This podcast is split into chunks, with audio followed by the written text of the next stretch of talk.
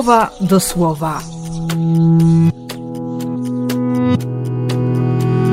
Rozważania księdza Grzegorza Mączki.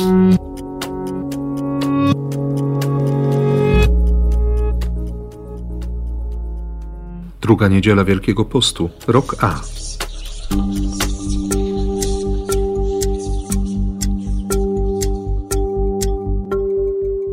Z Księgi Rodzaju. Abram wyruszył w drogę, tak jak mu Pan powiedział.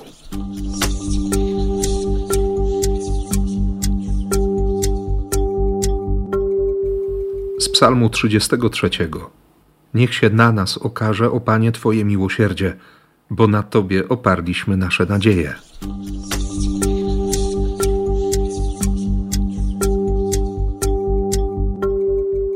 Z drugiego listu świętego Pawła do Tymoteusza.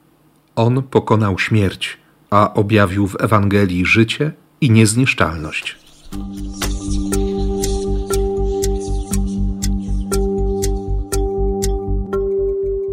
Z Ewangelii według świętego Mateusza. To jest mój syn umiłowany. W nim złożyłem swoje postanowienia. Słuchajcie go.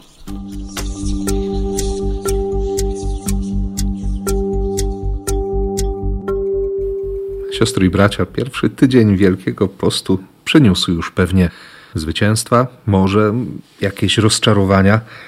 Na pewno był szansą na to, by, by przyjrzeć się sobie, by zobaczyć kondycję swojego serca, by też zmierzyć się z tym pytaniem, wobec którego został postawiony przed tygodniem Jezus. Czy my naprawdę wierzymy, że jesteśmy dziećmi Boga? Jaka jest nasza świadomość bliskości Ojca Niebieskiego?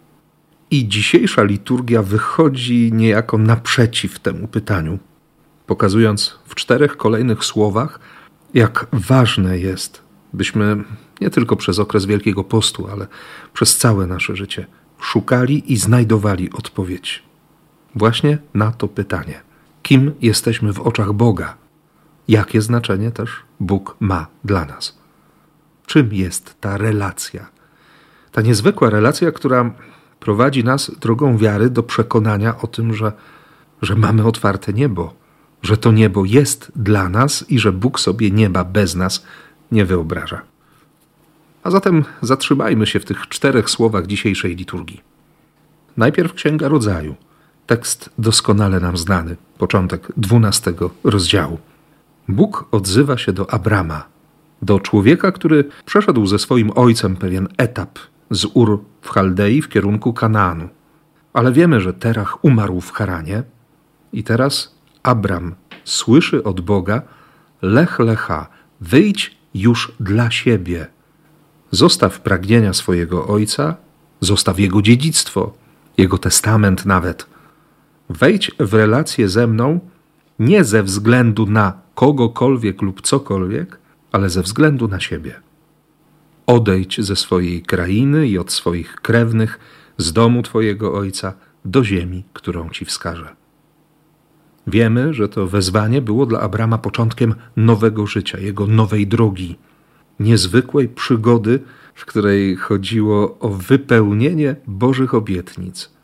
O to wewnętrzne zmaganie się, by ufać mimo wszystko, mimo że cała rzeczywistość, nawet najbliżsi, będą mówić, że Słowo Boga nie jest wystarczająco mocne i silne, by wypełnić to, co zostało obiecane. Dam ci ziemię, dam ci syna. Wywiodę z ciebie wielki naród. Będę ci błogosławił. Dzięki tobie błogosławieństwem objęte zostaną wszystkie plemiona ziemi. Wiemy, że to nie było słowo rzucone na wiatr. Znamy historię Abrama.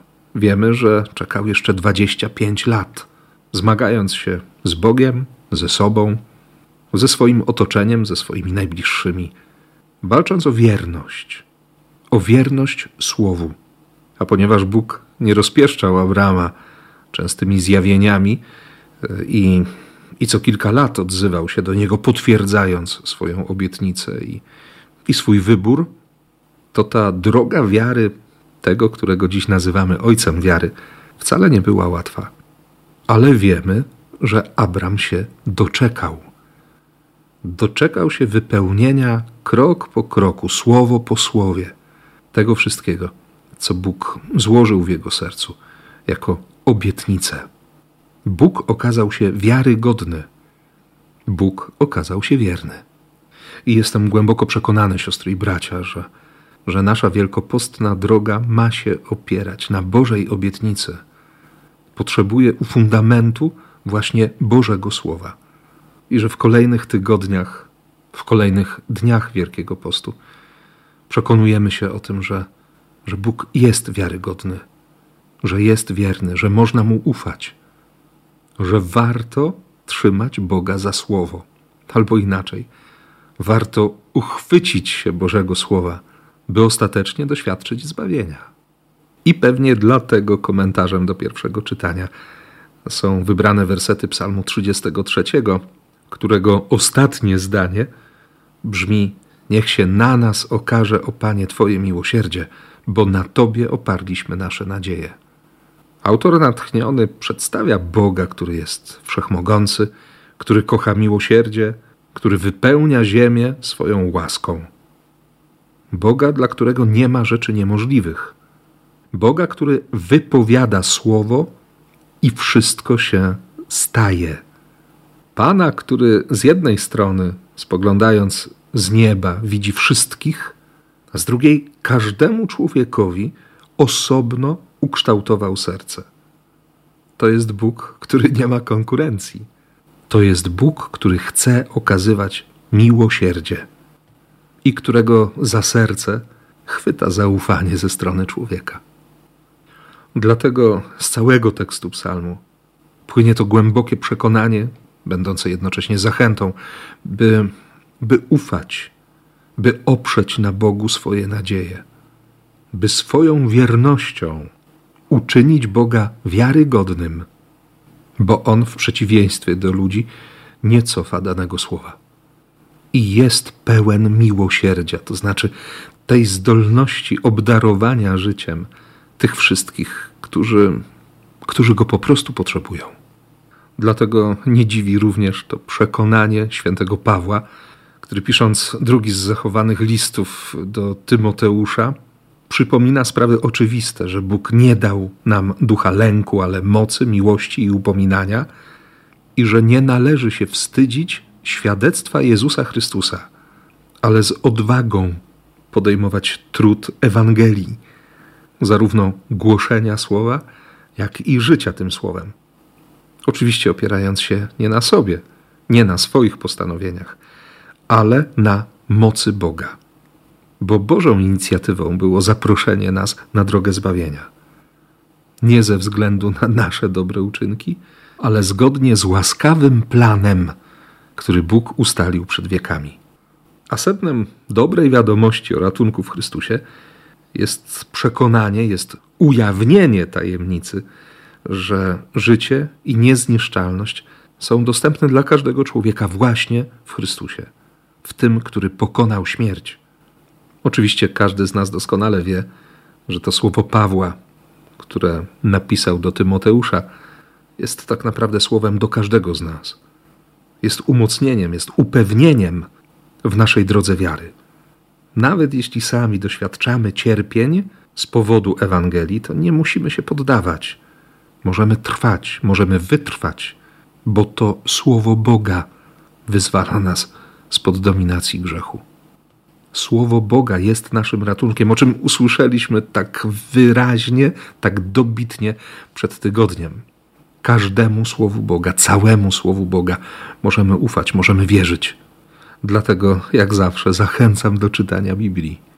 I jestem pewien, że akurat nikogo z Was, siostry i bracia, nie trzeba przekonywać i nie trzeba namawiać do tego, byśmy otwierali regularnie Słowo Boga, byśmy się karmili tym Słowem byśmy właśnie w Słowie szukali wyjaśnienia i rozjaśnienia naszego życia Bożym światłem. O tym również przekonuje nas dzisiejsza Ewangelia. Scena doskonale nam znana, opisana przez ewangelistę Mateusza w 17 rozdziale jego Ewangelii. Jezus zabiera ze sobą na wysoką górę tych najbliższych Piotra, Jakuba i Jana i tam doznaje przemiany Święty Łukasz zapisze, że działo się to w czasie modlitwy, w czasie spotkania z Ojcem. I choć relacje poszczególnych ewangelistów nieco różnią się od siebie, to warto zwrócić uwagę na fakt, że przemienienie nie dokonało się ze względu na uczniów. Bo kiedy Piotr swoim zwyczajem wtrąca się do rozmowy i, nie bardzo wie, co powiedzieć, ale, ale próbuje, Dlatego stwierdza, Panie, dobrze się stało, że nas tu wziąłeś ze sobą. Jeśli chcesz, to zaraz postawię trzy namioty: jeden dla ciebie, jeden dla Mojżesza, jeden dla Eliasza. Właśnie wtedy pojawia się obłok, który zasłania Jezusa, Mojżesza i Eliasza. Tak jakby pierwszy z apostołów naprawdę zaczął przeszkadzać im w rozmowie. Wiemy też dobrze, siostry i bracia, że tych trzech Jezusa, Mojżesza i Eliasza łączyło takie doświadczenie modlitwy, taka intensywność spotkania z Bogiem, że wyrażało się to w zewnętrznym znaku ognia, rozjaśnienia, takiego blasku, który dla świadków był doświadczeniem wręcz przerażającym. Intensywność bliskości Ojca Niebieskiego, niepowstrzymane pragnienie obdarowania życiem, głębia relacji z Bogiem owocowała nieziemską jasnością.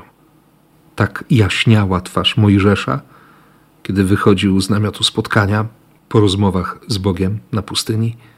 Takie było doświadczenie Eliasza, który, który spotkał Boga w głosie ciszy niedotykalnej. I właśnie tamten moment stał się przełomowym dla, dla tego proroka, że aż Księga Mądrości Syracha powie, że wtedy właśnie powstał Eliasz, prorok jak ogień. No i Jezus, Jezus, który pewnie przemieniał się każdej nocy, gdy spotykał się z Ojcem, gdy rozmawiali, gdy syn rozpoznawał wolę Ojca i cały był pragnieniem wypełnienia, wypełnienia Bożych postanowień. I właśnie dlatego, by rozpoznać potrzebę wejścia w taką relację, w tak bliską, w tak mocną, w tak głęboką relację z Bogiem, Piotr, Jakub i Jan usłyszeli głos Ojca ten jedynie jest moim synem umiłowanym, w którym złożyłem całość moich planów. Jemu bądźcie posłuszni. To bycie posłusznym e, wskazuje nie tylko na usłyszenie jakiegoś słowa, ale na takie słuchanie, które otwiera na rozumienie i rodzi w sercu człowieka pragnienie postępowania według usłyszanego słowa.